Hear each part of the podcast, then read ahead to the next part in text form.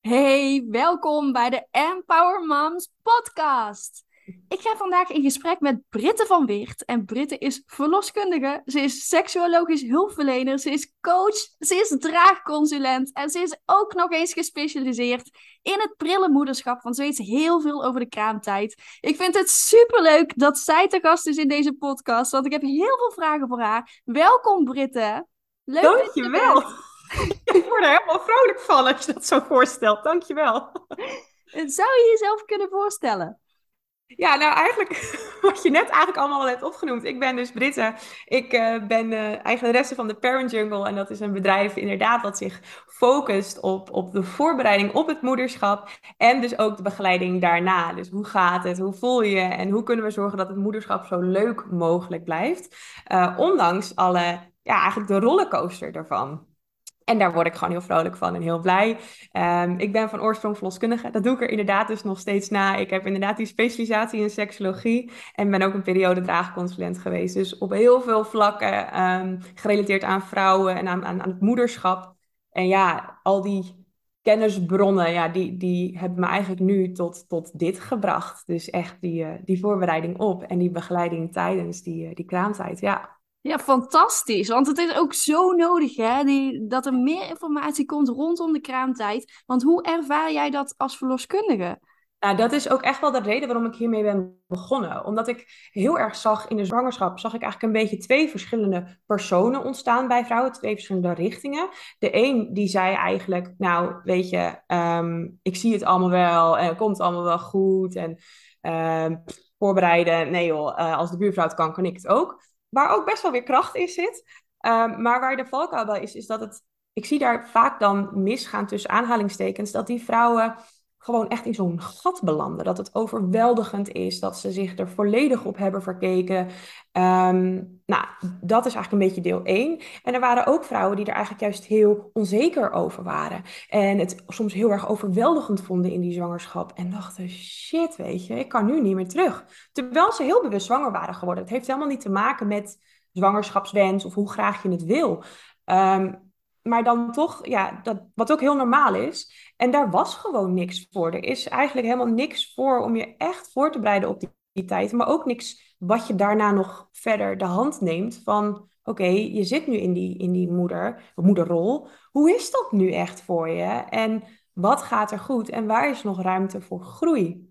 Uh, en ik ben ervan overtuigd dat als je dat al in de zwangerschap of in die kraamtijd sterk neerzet, dat je gewoon je hele nou, leven is, is, klinkt groot, maar zo is het in mijn idee wel, echt daarop kunt terugvallen. Dus als je die, die, die ruimte voor zelfzorg bijvoorbeeld pakt, of als je leert hoe een positieve mindset te houden tijdens mindere tijden, ja, dat is eigenlijk iets wat je daarna ook nog kan gebruiken. En ja, daar word ik heel vrolijk van. Ik kan daar uren over praten. Ja, heel mooi dat je dat zegt. En ik ga ook helemaal aan op, op wat je net zei. Van eh, vrouwen vallen eigenlijk als het ware in een soort van gat na de bevalling. Want je wordt natuurlijk voorbereid op je bevalling door middel van een zwangerschapscursus. Maar daarna houdt het eigenlijk op, terwijl het daarna ook pas begint. Want nou, Hè, hoe doe je dat eigenlijk allemaal? Dat combineren van jezelf en, en je werk en de zorg voor je kind en je partner en je sociale leven. Dus het is gewoon heel veel. En um, ja, hoe, hoe, kun je het dan op, op een zo fijn mogelijke manier voor jezelf doen zonder dat je eraan onderdoor gaat? En dat stukje zelfzorg, dat echt die tijd voor jezelf nemen, dat schiet er ook vaak bij in bij heel veel vrouwen. Ja, en ook omdat het naar je gevoel vaak minder belangrijk is. Want je kind is het belangrijkste en als die goed gaat, dan, dan is de rest ook wel goed of zo.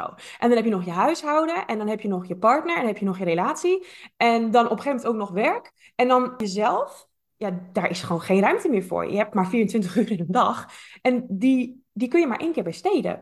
En um, ik denk ook dat, dat het stukje zelfzorg een van de dingen is waar we het slechtst, zeker als vrouw, um, het slechtst in hebben geleerd hoe we die ruimte moeten nemen. En, um, ja, en ook dat, dat dat dus met name in die tijd het, het grootste probleem ook geeft. Omdat er zoveel op je afkomt, ook wat allemaal nieuw is.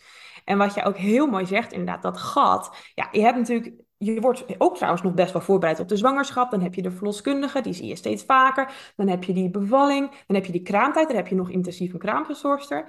En dan opeens gaan die allemaal weg naar een dag of acht à tien. En dan sta je er gewoon alleen voor. En dat lijkt me, nou, het is gewoon heel gek eigenlijk als je erover nadenkt. Dat we dus de hele reis er naartoe denken. Nou, dat gaan we even goed doen. Maar eigenlijk het begin van alles, van, die, van dat hele kindertijd, nou, daarbij zeggen we, dat zien we wel. Ja, precies dat. Ja, precies dat. dat. Dat is echt heel vreemd, hè? Van waarom is er dan niet iemand die zich gespecialiseerd heeft om daarin de moeders te begeleiden? Want, nou, dat ja, dacht ik dus ook. Ja, ja, en wij doen dat allebei. Ja, precies. Nee, maar, ja, nee, maar het is toch heel gek. Van moeders moeten het allemaal maar zelf uitzoeken, terwijl er miljarden moeders zijn bevallen. Dus waarom kunnen we niet gewoon wat tips doorgeven? Weet je wel, ik, ik zeg ook wel eens als een soort van grap, ja, zo'n boekje met grootmoeders tips. Weet je wel, dit werkt en dat werkt en dat werkt. Maar gewoon echt alle fijne tips gewoon met elkaar delen. Uh, zodat ze het niet zelf uit hoeven te zoeken. Want daar heb je op het moment dat je net bent bevallen ook helemaal geen zin in. En het kost heel veel energie en het kost heel veel tijd die je eigenlijk ook al niet hebt. Precies, en je bent moe en weet jij veel. En wat ik, wat ik daarvan heel interessant vind is, vroeger, of in Afrikaanse culturen, als we daar bijvoorbeeld naar kijken, daar heb je dit allemaal niet nodig. En waarom niet? Omdat je daar eigenlijk een soort dorp hebt, weet je. Je hebt misschien het gezegd wel eens gehoord, it takes a village to raise a child. Nou, dat is gewoon zo. Alleen in de huidige westerse maatschappij, weet je, is dat er gewoon niet meer. Er is geen village, je moet het gewoon maar zelf doen en dat is eigenlijk gewoon een beetje beetje gek. En het stomme is ook nog dat als je dan adviezen krijgt, dat ze vaak juist totaal niet helpen. Of dat je denkt, nou, dit past totaal niet bij wie ik ben. Nou, en ja, ik denk echt dat dat nou, heel erg mensen tegen kan werken. Ja, of je krijgt heel veel commentaar bijvoorbeeld op de dingen die je doet van de moedermafia. Dat, je het nooit goed kan doen. Oh mijn god, ja. Ja, en daar word je dan ook weer heel erg onzeker van als moeder zijnde. Want je bent al zoekende en het is allemaal nieuw. Dus ja, het is daarin dan heel lastig om echt voor jezelf te zoeken van wat werkt dan wel en wat werkt dan niet. Ja, en dat is wat je daar, om daar ook weer een beetje op uit voor te, voor te borduren, is dat je dus ook heel veel ziet dat vrouwen het moeilijk vinden om op zichzelf te vertrouwen. Omdat ze zoveel meningen oor en ook oordelen, want dat is het denk ik ook met name, met name oordelen over ja, hoe ze dingen doen, hoe ze dingen zien. Nou, dat dat gewoon, dat, dat je op een gegeven moment niet meer durft te vertrouwen op jezelf. En als je vertrouwt op jezelf, dan vind je het super spannend. Want ja, als, je het, als het maar goed gaat, want de buurvrouw zei dat en dat en dat en dat. Ja, dus het is, eigenlijk zitten we gewoon in een heel lastig pakket als westerse moeders. Zeker, ja. En het is ook een heel individualistische samenleving. Hè? dus wat je net al zei, van eigenlijk heb je gewoon een heel dorp om je heen nodig. Dat zou ideaal zijn, want waarom zou je het allemaal in je eentje moeten doen? Ja kost gewoon, ja, een kind krijgen, dat is niet niks. Hè? Dat, um, we kunnen ons daar ook niet echt heel erg goed mentaal op voorbereiden. Van je weet niet hoe het is om daadwerkelijk een kind te hebben als je ook nog geen kind hebt. Je hebt wel een idee, want je hebt misschien ook een paar keer op je neefjes of nichtjes gepast. Maar ja, als je echt daadwerkelijk alle nachten slecht slaapt en continu de zorg hebt voor je kind en die weinig tijd voor jezelf hebt. Ja, je weet pas echt hoe dat voelt als je daadwerkelijk een kind hebt. Exact. En dat is dus ook het, het, lastige ervan. Dat je aan de ene kant dus.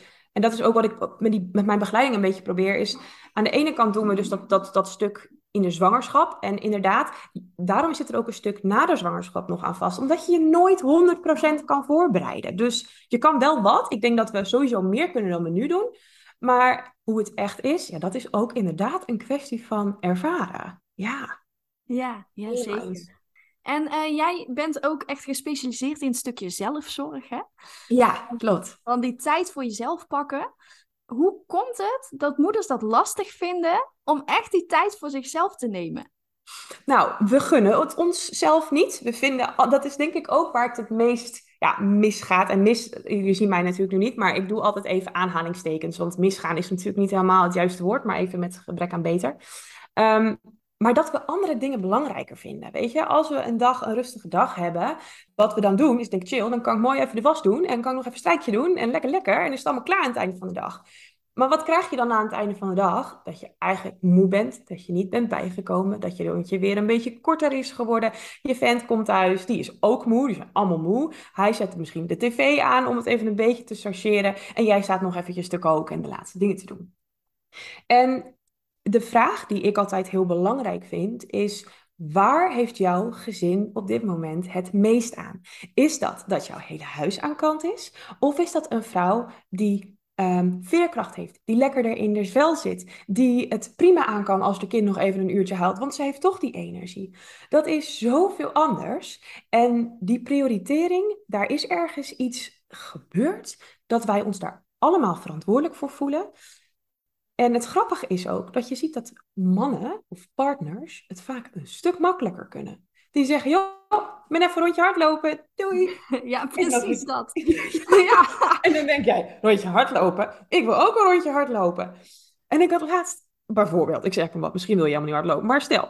Um, en ik had laatst een gesprek met een, een, een, eh, een vrouw en die vertelde me, ja, mijn man zei dat, ik ben even, even weg. En toen zei ik, ja, maar ik wil ook een rondje weg. En toen zei hij, ja, maar waarom zeg je dat dan niet gewoon? En zo simpel kan het zijn. Ja, maar wij denken vaak ook heel erg moeilijk. Hè? We denken, oh, we willen onze partner niet opzadelen. Um, we denken dat we hem daarmee heel erg belasten, bijvoorbeeld. Of ja, er is nog genoeg te doen, dus hè, ik kan nou echt geen rondje hardlopen. Maar ja, het is inderdaad prioriteiten stellen. Wat is voor jou belangrijk? Wat levert het je op om het daadwerkelijk te gaan doen? Ja. Hoe voel jij je dan? En daar zit dus ook dat schuldgevoel vaak. Want we denken dan, nou, als wij iets voor onszelf doen, dan doen we dat voor ons. En daar heeft niemand anders baat bij. Maar dat is dus niet zo. Iedereen in jouw gezin heeft er baat bij als jij lekker in je vel zit. Dus ja, en dat is iets waar, waar ik heel erg hoop om, om een beetje een, iets in te doorbreken. Dat het goed is om voor jezelf te zorgen en dat mensen om jou heen daar baat bij hebben, inclusief jouw partner en jezelf. En ja, dan betekent het dat hij een keer die luier moet verschonen. Ja, is goed. Ja. Kan niet oefenen. Top. Ja, maar inderdaad, draai die rollen eens om. Hè? Als hij een keer gaat hardlopen, ga daarna een keer hardlopen, bijvoorbeeld. Ja, wissel het af met elkaar. Bespreken het, maak het bespreekbaar. Heel belangrijk. Is ook een hele belangrijke. En wat ik dan ook nog zie, is dan ga je voor jezelf. En dan ga je een rondje hardlopen. Maar dan moet jouw man ook wel alles doen precies zoals jij het wil. Want dan moet die luier ook wel precies op hetzelfde goed moment en, en perfecte luier en op de juiste zalfje. En dat is ook, we maken, het, we maken ons overal verantwoordelijk voor en we, vinden, we hebben een bepaalde standaard gelegd, waar we ook graag een beetje de controle over willen hebben, want de controle geeft ook rust. Um, en die lat zo hoog leggen, dat kost gewoon super veel energie. Maar ook jouw partner. Want die denkt dan, ja, ik ga echt niet oppassen, want dan, moet ik, uh, dan doe ik het vast fout. Dus ook daar is het een stukje loslaten. Wat is er nou het ergste wat er kan gebeuren als die luier verkeerd om zit? Nou, zit misschien het bedje onder de poep. Nou, dan gaat hij het schoonmaken. Ja, heeft hij weer wat geleerd, doet hij nooit meer fout. Ja, weet je, het is, ook maar, het is ook maar net, ja, hoe belangrijk is het voor je? Maar hoe doe je dat dan, dat loslaten? Want dat loslaten is wel makkelijk gezegd natuurlijk. Maar in je hoofd ben je er waarschijnlijk wel continu mee bezig. Dus hoe laat je het dan daadwerkelijk los? Ja, en dat is een hele goede vraag. En dat is natuurlijk ook niet waar ik natuurlijk een klaar antwoord voor heb. Maar het is oefenen. Het is doen en catch yourself. Dus als je merkt, ik ga nu weer helemaal in die spiraal van ja maar dit en ja maar dat. Nee, stop. Je gaat nu dat doen. Punt. Punt. Er is even geen discussie. En als er wel een discussie is, dan ga je even met, met je partner bijvoorbeeld zitten. Ik merk dat het mij nu tegenhoudt om dit en dat te doen, want ik zie daar en daar en daar tegenop, bijvoorbeeld. Want je, het is iets voor jullie samen. Dat jij beter voor jezelf zorgt, iets voor jullie samen en niet alleen voor jou. Dus hoe kunnen wij zorgen dat ik rustig kan gaan hardlopen? Bijvoorbeeld. Dat zijn vragen. En dan nog is het soms zoeken en vallen en opstaan. En de ene week zal je merken dat het fantastisch gaat. En de andere week denk je, nou, ik begin weer bij vooraf aan. Ja, dat hoort erbij. Ja, en maak van jezelf dus echt jouw eigen eerste prioriteit, want niemand anders doet het voor jou. Ja, en dat is ook echt een goede. Niemand anders doet het voor je. Nee, jouw vriend gaat echt niet. Nou, trouwens, dat is niet helemaal waar. Ik hoor nog wel eens mannen zeggen van, joh, ga alsjeblieft wat doen voor jezelf. Maar ook dan zeggen we, ja, maar. En die ja maar, daar moeten we gewoon eens mee stoppen. We moeten wel zeggen, oké, top, ga ik doen. Neem het aan. Doe gewoon eens gek. Probeer het. Ja, en wat, wat ik ook vaak hoor, dan hebben ze eindelijk die tijd voor zichzelf genomen, die moeders. En dan weten ze niet wat ze kunnen gaan doen. Want dan zijn ze heel erg druk in hun hoofd. Die gedachten die spelen allemaal op. Ze zijn bezig met een boodschappenlijstje, wat ze allemaal nog moeten doen. Ze moeten die vriendin nog bellen. Dus uiteindelijk, hè, dat half uurtje of hoe lang ze ook hebben, dan hebben ze alsnog geen rust. Ja. Herken je dat? Ja, dat die hoor ik ook heel vaak. Van dan heb ik tijd voor mezelf en dan. En dat is ook wel, kan ik me voorstellen, lastig. Zeker omdat je, als je ook in patronen natuurlijk zit. En de patronen van inderdaad die boodschappenlijst. En, en, um, en dat is ook een beetje zoeken in het begin. Wat ik vaak doe met vrouwen is ook een beetje een oefening. Stel dat je alles mag doen wat je hartje begeert. En geld, tijd, niks maakt uit. Wat zou je dan willen doen? En um, het voorbeeld wat ik vaker aanhaal is dat ik wel een keer iemand heb gehad die wilde um, eigenlijk een eigen expositie, die wilde gaan schilderen. En dat was haar passie, haar droom. En daar werd ze helemaal enthousiast van. En dat hele scherm lichtte op, want ze vertelde daarover. En, maar dat kon niet, want dan dat, dat, dan dat. Kon allemaal niet. Maar dan is de vraag, wat kan er wel? Als je vanuit zo groot naar iets kleiner gaat, waar word je nou echt blij van? Nou, en toen kwamen we er uiteindelijk op uit dat ze graag een schilderles wilde volgen, eens in de week. Maar ja, daar had ze geen tijd voor. Dus dan ga je kijken met je partner. Wat kunnen we wel? En dan heb je dus eigenlijk heel specifiek iets, want sommigen hebben dat, anderen niet. Maar een kopje koffie buiten de deur drinken of een boek lezen ergens is al voldoende. En in het ergste geval verveel je je een half uur. Leer je ook weer van. Zeker. Ja, dat klopt. Ja, want dan kijk je achteraf ook misschien terug van... Oeh, ja, dit half uur, ben ik dan daadwerkelijk wel opgeladen in dat half uur? Of wat had ik dan anders kunnen doen? Nou ja, en dat is ook een belangrijke. Ga evalueren bijvoorbeeld. Inderdaad, stel je hebt het nu deze week zo gedaan en je hebt ervoor gekozen om uh, dat half uur gewoon letterlijk niks te doen. Hè? Gewoon een half uur op de bank, telefoon uit, niks. Ja, en jij merkt dat, dat het eigenlijk niet heeft gewerkt. Of dat je alleen maar op je telefoon bijvoorbeeld hebt lopen scrollen. Want dat gebeurt dan ook nog wel eens. Dat je denkt, nou, dat, de tijd was opeens voorbij. Ja, hoe kun je het dan anders doen? Maar dat is dus gewoon heel rustig aankijken en, en zoeken. Soms is het gewoon niet even van het een op het andere moment dat je weet wat je moet doen. Daar is niks mis mee. Ja, maar neem inderdaad die tijd pak die tijd voor jezelf. Ja, en ga het gewoon doen. Ga experimenteren. Ja. Hoe is het? En sommige vrouwen doen het met vijf minuten per dag. Ik kende een moeder die had drie kinderen. En dat waren ook wel kinderen die aanwezig waren, veel geluid maakten. En wat zij deed, elke ochtend is een half uur nog eerder opstaan. Ze zei, dan heb ik een half uur minder slaap. Maar ik zit dan voor me raam met een kop koffie en een, en een krantje. En ze zegt, dat moment, als ik dat heb, kan ik de hele dag weer aan.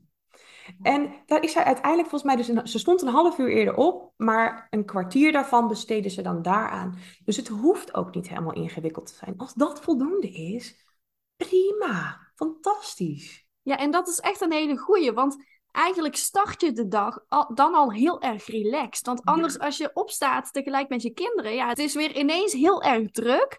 Dus je staat meteen aan. En hoe fijn is het dan om ochtends echt heel rustig te beginnen, even op je gemakje wat te drinken, uh, even te landen weer en uh, ja, je eigen ding te doen. Nou ja, dat is e-, echt ook wel iets waar ik heel erg voor pleit. Want ik doe dat zelf ook. Ik heb geen kinderen op dit moment. Maar ik doe dat dus zelf ook. Ik sta zelf ook Ehm, ook op dagen dat ik vrij ben, vaak vroeger op, zodat ik dingen kan doen die mijn dag goed maken, die mijn dag starten. En ja, dat betekent concessies doen. Ik heb net zoveel uren in de dag als een ander, dus ik moet ze dan zo goed mogelijk gaan gebruiken. Nou, en ja, dat betekent dan dat ik uh, om half acht altijd opsta. Nou ja, uh, ook op dagen dat ik vrij ben, ook in het weekend. Um, en als ik kinderen zou hebben, dan zou ik persoonlijk nog vroeger gaan opstaan. En waarom? Omdat het me zoveel brengt dat ik die concessie wil doen met vroeger uit bed gaan. En ook als ik s'nachts als verloskundige een, een nacht heb gedraaid, dan ligt het wel een beetje anders, maar dan pas ik het aan. Dus ik zorg altijd dat er ergens een moment is dat ik dat kan doen. Dus dat heeft echt prioriteit voor jou. Je dag goed beginnen, zodat je jezelf al energiek voelt en fijn voelt. Ja, ja. Ja, mooi. Ja, ik, ik doe dat eigenlijk niet. Nee. Ik was heel benieuwd. Ja, wat doe jij? Nee, ik, um, ja, meestal zijn mijn kinderen tussen ja, zeven uur en half acht wakker, zoiets. En dat vind ik zelf echt al vroeg genoeg. ik ben geen ochtendmens. Dus ik pak liever s'avonds dan wat extra tijd voor mezelf. Zodat ik echt gewoon relaxed ga slapen. En dan, uh, als mijn kinderen wakker zijn, dan neem ik ze wel altijd even bij mij in bed. Dus dan blijven we wel even een kwartiertje gewoon liggen. En dat is voor mij dan ook zo'n momentje om eventjes um, ja, wakker te worden, aan de dag te beginnen. Dus niet dat ik dan per se een meditatie ga doen of zo, of wat dan ook. Maar uh, ja, gewoon even lekker liggen. En niks moeten. S'avonds is natuurlijk ook tof, hè? Ik bedoel, het gaat erom dat je ergens een punt hebt, dat je echt even voor jezelf hebt en iets doet waar jij blij van wordt. Waar jij van denkt, ah, zo, nou, was even lekker. En nu lekker door met de rest. Of lekker naar bed en morgen weer fris op, weet je? Dat is, het, het hoeft helemaal, er is geen richtlijn. Je kan doen wat je zelf wil.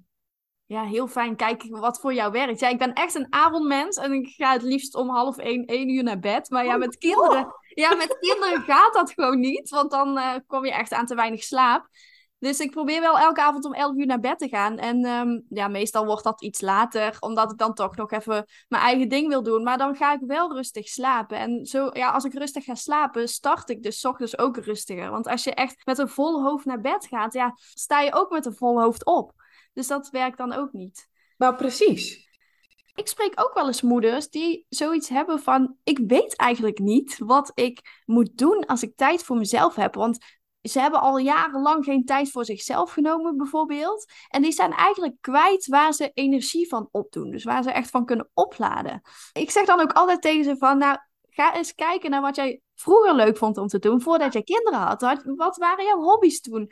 Vond jij het leuk om een boek te lezen? Vond jij het leuk om te sporten? Vond je het leuk om met een vriendin iets te doen? Kun je dat weer oppakken? Vond jij het leuk om, om te tekenen of zo? Dus kijk ook vooral daarna van wat kun jij dan in het moederschap weer terugbrengen. Wat jou dus energie geeft. Want om de hele dag bezig te zijn met dingen die jou energie kosten, ja, dat is natuurlijk, uh, ja, dat gaat niet werken. Daar word je op de lange termijn heel ongelukkig van. Dat geloof ik zeker. Ja. En nu je dit ook zegt, en, maar gewoon omdat het maar aan doet denken, dat is ook. Ik werk, ik, als ik met mensen dus in die zwangerschap ga, gaan we daar dus ook al beginnen. Weet je, ga in die zwangerschap al nadenken. Wat vind je op dit moment leuk om te doen? En wat is er voor nodig om dat te kunnen blijven doen op wat voor mate dan ook, daarna. En ga daar al in gesprek. Want in die zwangerschap kun je al heel veel voorbereiding doen. Je kunt al gaan nadenken over wat, waar ben ik nu echt blij van? Wat geeft me nu echt dat, dat, dat, dat, dat chille gevoel of juist dat energieke gevoel? En ga daar dan al ja, een beetje een plan voor maken. En of je er uiteindelijk aan houdt, maakt niet uit. Maar je kan er altijd op terugvallen. Je kan altijd denken van, oh ja, dat heb ik toen bedacht. Hoe is dat nu? Dus zeker. En wacht, maar wacht niet tot dan, weet je. Begin eerder. Begin al in die zwangerschap. 100%. Ja. Ja. echt heel erg goed om daar bewust al mee bezig te zijn tijdens je zwangerschap en niet pas in die periode daarna. Precies. Ja. eigenlijk is, want nu, nu ik het zo met je over heb, denk ik, ja, maar dat is eigenlijk natuurlijk mooi als je dat kan ondervangen, al eerder. Jazeker. En waarom wordt dat eigenlijk niet standaard gewoon gegeven, ook bij, bij gesprekken, hè? van waarom hebben we het daar niet over? Bedoel je dan binnen de verloskunde ook meer? Ja, binnen de verloskunde bijvoorbeeld. Als je echt, echt gaat uh, voorbereiden op, uh, op de kraamtijd en dat soort dingen. Ja, dat stukje zelfzorg, waar, waarom wordt dat niet echt uh, benoemd? Ja, ik denk ook omdat. Um, eerlijk gezegd, ik heb er eigenlijk helemaal niet echt een goed antwoord op. Want ik verbaasde me daar ook steeds meer over. En dat is ook waarom ik op een gegeven moment dacht, dus er moet wat mee. Want ik, ik denk dat het dan niet belangrijk genoeg is. Of, of het is denk ik ook een stukje cultuur. Ik denk ook dat we allemaal vinden dat het op een bepaalde manier moeten doen. En ik denk ook dat er een beetje nou een taboe is misschien. Ik weet niet of dat in deze context helemaal past. Maar het is ook niet heel gebruikelijk om het daar met mensen over te hebben. Want dan word je al gauw een beetje gezien als de zwakke moeder die, niet, die voor zichzelf moet gaan zorgen. Wat totaal niet waar is. Want er is ook nog een beetje een publiekelijke opinie over, vind ik altijd. Dat is ja. super zonde. Ja, dat is, ja. En hoe fijn is het als mensen daar gewoon al mee bezig kunnen zijn en inderdaad hun eigen ding kunnen doen. En ook leren om te gaan met de meningen van anderen. Want vooral echt als je, ja, als je net moeder bent geworden, je krijgt echt heel veel adviezen en goed bedoelde meningen. En heel vaak sta je daar ook niet op te wachten. Um, Dus hoe ga je daar daarmee om? Dat zijn echt wel belangrijke dingen inderdaad. Nou, dat is ook echt wel waar, waar, waar ook denk ik nog wel een stuk zit, is dat stukje ook grenzen aangeven. Want we vinden het ook heel moeilijk om te zeggen, dankjewel voor je mening, maar ik doe het op mijn manier. Dat kunnen niet zoveel vrouwen, of ja, kunnen, vinden vrouwen moeilijk. En waarom? Omdat je bang bent dat een ander daar wat van vindt. Maar die ander heeft er blijkbaar geen probleem mee om iets te zeggen waar jij mogelijk wat van vindt. En dat is ook lastig om daarin ook ruimte te nemen, zelfvertrouwen en ook ja, rust in te pakken om te zeggen: Dit is het voor mij we gaan het zo doen. Dankjewel voor je advies, maar nee. En ik denk ook dat daar nog wel echt wel winst te behalen valt. Want ook ja, grenzen, ik zie vrouwen denk heel vaak daaroverheen gaan. Ik denk dat vrouwen soms niet eens meer weten waar hun grenzen liggen. Omdat ze zo geleefd worden door de omgeving. En zo de, de, de connectie met zichzelf als moeder en vrouw kwijt zijn. Uh, wat logisch is, want dat leren we ook eigenlijk allemaal niet. Het is ook gewoon maar doen en uh, zoek het uit. En ja. Precies dat, ja. Het is eigenlijk bizar hè, dat dat, uh, dat, dat zo de standaard is in Nederland. Nou, en eigenlijk vind ik het soms ook een beetje, beetje sneu. Dat ik denk, jee, je wordt maar als moeder gewoon een beetje in diepe gegooid. En je hebt geen idee of het goed is wat je doet. Je hebt geen richtlijn, je hebt geen, geen, geen iets waar je je aan vast kunt houden. Ja, ik vind het gewoon, ja, zielig vind ik een beetje naar woord, maar zo is het wel. Ik, heb, ik vind het gewoon naar. Ja. ja, nee, daar ben ik helemaal met je eens. En ik vind het echt fantastisch dat jij uh, dit eigenlijk meer op de kaart probeert te zetten als verloskundige zijnde. En hier meer aandacht voor vraagt. Want het is echt nodig. Het is echt nodig. Ik zie het ook aan de vrouwen die ik begeleid, die daar zo erg mee zitten. En eigenlijk kun je dat heel makkelijk voorkomen door daar al in een vroeg stadium uh, bewust mee bezig te zijn. Om, ja, dus er zou heel veel leed mee kunnen voorkomen worden als we dus daadwerkelijk meer gaan, gaan counselen uh, tijdens de zwangerschap. Helemaal 100% mee eens. Ja, echt, dat sluit ik me heel met me aan. Ja. Maar dan wordt jullie werkdruk denk ik ook wel zwaarder. Dan, uh... als, als verloskundige is het eigenlijk bijna niet meer te doen. Ja. Um, dat is niet omdat we het niet willen, want we zien het en we, we voelen het. Maar we staan eigenlijk een beetje machteloos. Want zoveel willen we bespreken. Die bevalling vinden we belangrijk. We vinden de zwangerschap belangrijk. We vinden het belangrijk dat mensen nadenken over kraamtijd, ouderschap, uh, vitamine K, ja of nee. Weet je, ik noem maar wat. Er zijn zoveel dingen die wij al willen bespreken. En ook goed willen bespreken. En daar is simpelweg vaak gewoon de tijd niet voor. Hoe lastig ook. Wij moeten keuzes maken daarin. En vandaar ook dat ik dit naast mijn werk als verloskundige ben gaan doen. Omdat het in die, in die dagelijkse praktijk niet meer past. En nogmaals, dat is geen onwil, want iedere verloskundige ziet daar eigenlijk vaak wel het, het, het nut van in. Maar ja, gewoon niet meer kunnen op een gegeven moment. Ja, ja, dat snap ik wel. Want je hebt eigenlijk maar een kwartier per zwangere. Hè? Dus uh, om daarin alles te proppen. Sommigen zelfs 10 minuten per zwangere. 10 minuten? Oh, dat is helemaal kort. dat... Dan moet je de controles nog doen en inderdaad alle informatie geven hoe fijn is het als je dan een boekje hebt of zo waarin alles staat. En jij hebt die gemaakt, hè? Een, een boekje ter voorbereiding op de kraamtijd. Klopt, ik heb een kraamplan inderdaad gemaakt. Um, en ook leuk dat je erover begint, want daar staat ook eigenlijk dat zelfzorgplan ook in. Dat, dat is daar een onderdeel van. En het doel van dat kraamplan is dus niet om jou te leren hoe je een, een, een bedje opmaakt. Want dat leer je, dat kan iedereen zeg maar, dat leer je gewoon, dat is gewoon een skill. Um, maar echt kijken. Het is ook helemaal gemaakt voor jou en je partner. Dus het is, ik zeg trouwens steeds jou, maar gewoon even in het algemeen. Dat, dat het er echt samen gaan kijken van hoe kijken we tegen dingen aan. Bijvoorbeeld dat stukje zelfzorg. Wat vind jij belangrijk, maar ook wat vindt jouw partner belangrijk? Ook een stuk bezoek bijvoorbeeld vind ik ook altijd zo'n mooi voorbeeld. Wie wil je nou echt ontvangen die eerste week? En hoe belangrijk is dat voor je? Uh, en dat zijn ook vragen over voeding. Hoe belangrijk is het slagen van borstvoeding voor jou als je borstvoeding wil geven? Als je flesvoeding wil geven, heb je er al over nagedacht hoe je dat elke nacht, elke drie uur wil gaan doen samen?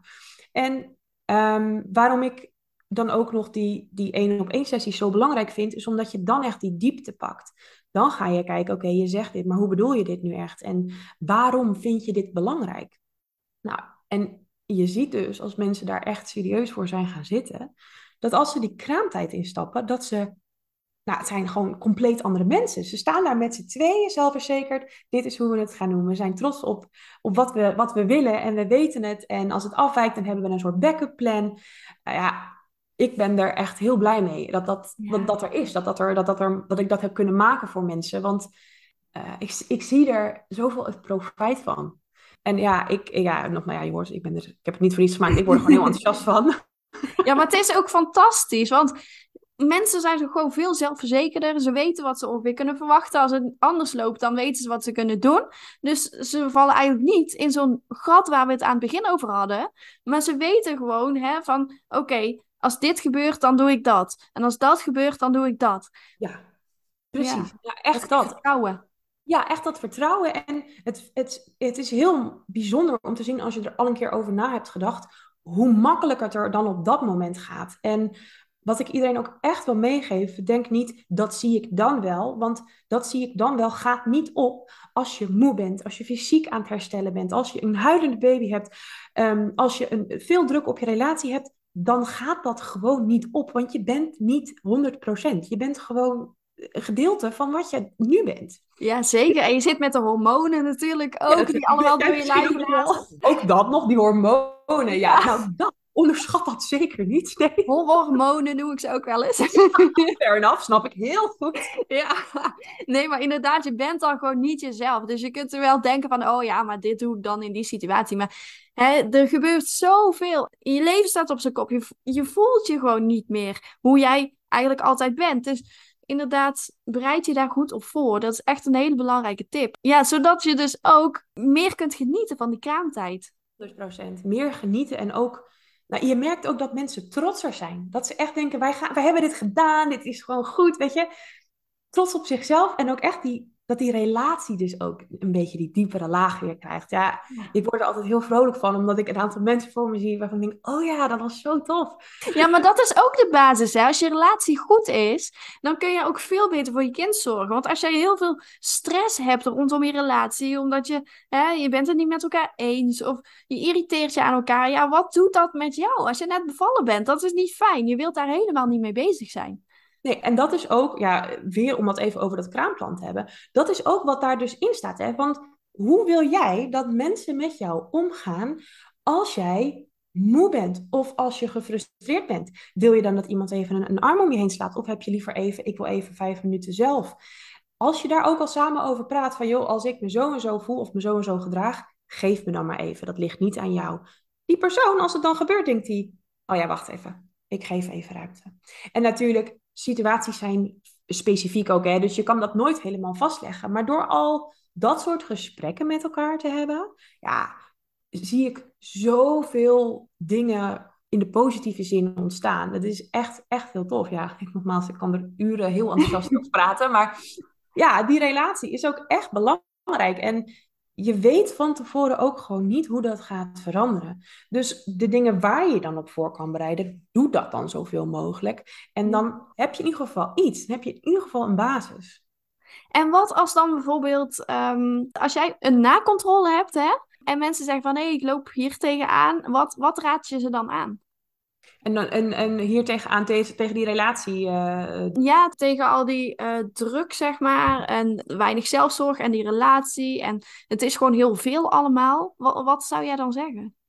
Nou, wat ik allereerst zou zeggen, want dat is natuurlijk eigenlijk een hele grote vraag die een verloskundige eigenlijk in, in, in die 20 minuten, 10 minuten, whatever ze tijd heeft, moeilijk kan beantwoorden. Want het is veel en groot en er zitten vaak diepere lagen in. Dus het is belangrijk om dan eerst even terug te gaan naar want je zit vaak midden in die situatie. Je zit midden in die tornado van alles. En je hebt het gevoel dat alles om je heen zwaait. Het belangrijkste is dan teruggaan naar wat is het belangrijkste? Wat is er voor mij nu op dit moment hetgeen wat me het meest um, belemmert om te genieten van dingen? A, maak dat bespreekbaar met elkaar. Zie ik ook heel vaak fout, fout gaan. In de zin dat je gewoon maar doorgaat en doorgaat in die sleur. En Ga samen zitten van oké, hoe vinden we het nu gaan?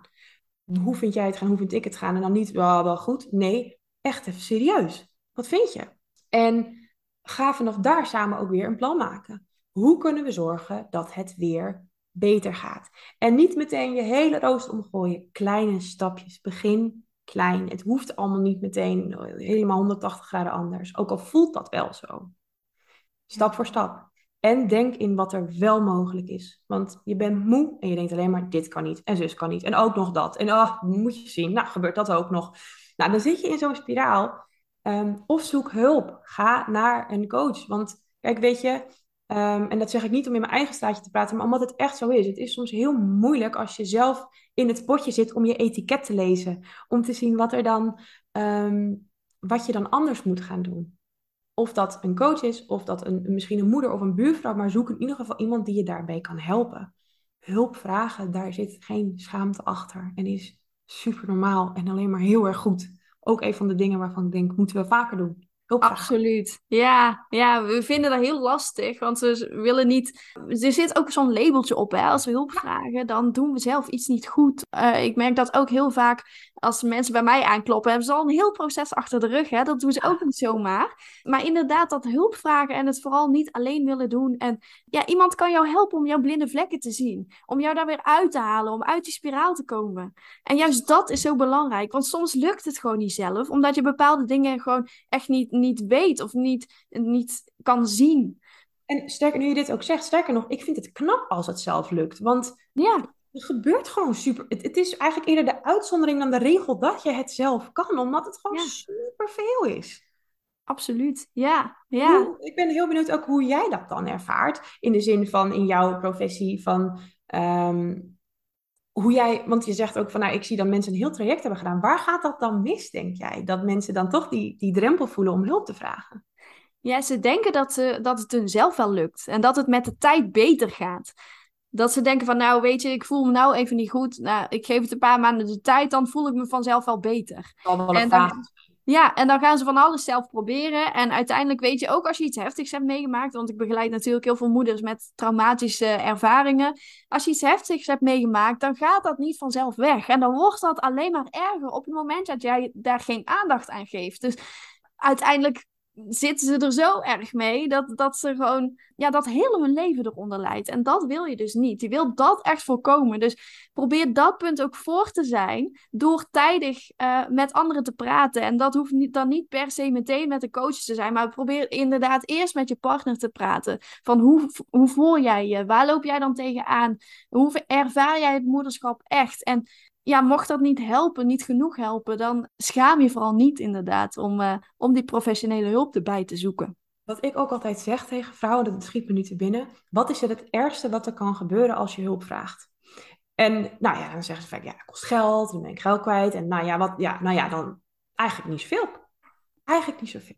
Je hebt eigenlijk alleen maar te winnen. Je zal er niet slechter van worden. En dat is ook hoe ik altijd, ook als verloskundige trouwens hoor, ook hoop om die drempel naar hulpvragen lager te maken. Wat is er het ergste wat kan gebeuren? Nou, dat je beter wordt eigenlijk. Dat je beter bent dan het punt waar je nu staat. Ja, dat. Ja. Dat vind ik ook een hele mooie, hele mooie afsluiting ook van deze podcast. um, laten we nog heel even teruggaan naar, naar dat stukje zelfzorg omdat heel veel moeders daar daadwerkelijk moeite mee hebben. Wat is jouw nummer één tip om tijd voor jezelf vrij te maken. Wat zou jij ze echt aanraden als ze denken van nou, ik wil dat wel, maar ik weet gewoon niet hoe? Maak het belangrijk. Dat is de belangrijkste tip. Zorg dat je je eigen prioriteit hoog hebt. Dus wat ik al zei, die mindset van iedereen heeft er um, baat bij. Als ik goed in mijn vel zit, die imprenten. Bedenk dat. Onthoud het, voel het en ga vanuit daar verder. Want daar begint het bij, dat het belangrijk wordt. Belangrijker dan andere dingen kan ik het alleen maar mee eens zijn. Gelukkig. En, en als mensen meer over jou willen weten, waar kunnen ze jou dan vinden? Nou, jullie kunnen mij sowieso vinden uh, op mijn website www.theparentjungle.nl en jullie kunnen mij ook vinden op Instagram theparentjungle.nl. Um, ja, en als je vragen hebt, stuur me vooral ook even een DM naar aanleiding van deze podcast. Dat is altijd goed. Ik help jullie altijd graag. Dus um, ja. Superleuk. Aanrader om te volgen. Wil jou ontzettend bedanken, Britten, dat jij te gast was in deze podcast en dat je heel veel hebt verteld over die eerste periode na de kraamtijd en vooral hoe je het stukje zelfzorg voor jezelf makkelijker kunt maken. Ik hoop dat we heel veel moeders hiermee hebben kunnen inspireren om daadwerkelijk die tijd voor zichzelf te pakken, want het levert je zoveel op op het moment dat je dus daadwerkelijk iets gaat doen waar jij van kunt opladen. Dus dank je wel daarvoor heel erg bedankt dat ik eh, er mocht zijn. Ik vond het onwijs tof. En uh, ja, dankjewel. Ik wil jullie ook allemaal bedanken voor het luisteren naar deze podcast. Willen jullie nou meer weten over mij en over Empower Moms? Ga dan naar empowermoms.nl. Bedankt voor het luisteren en tot de volgende keer.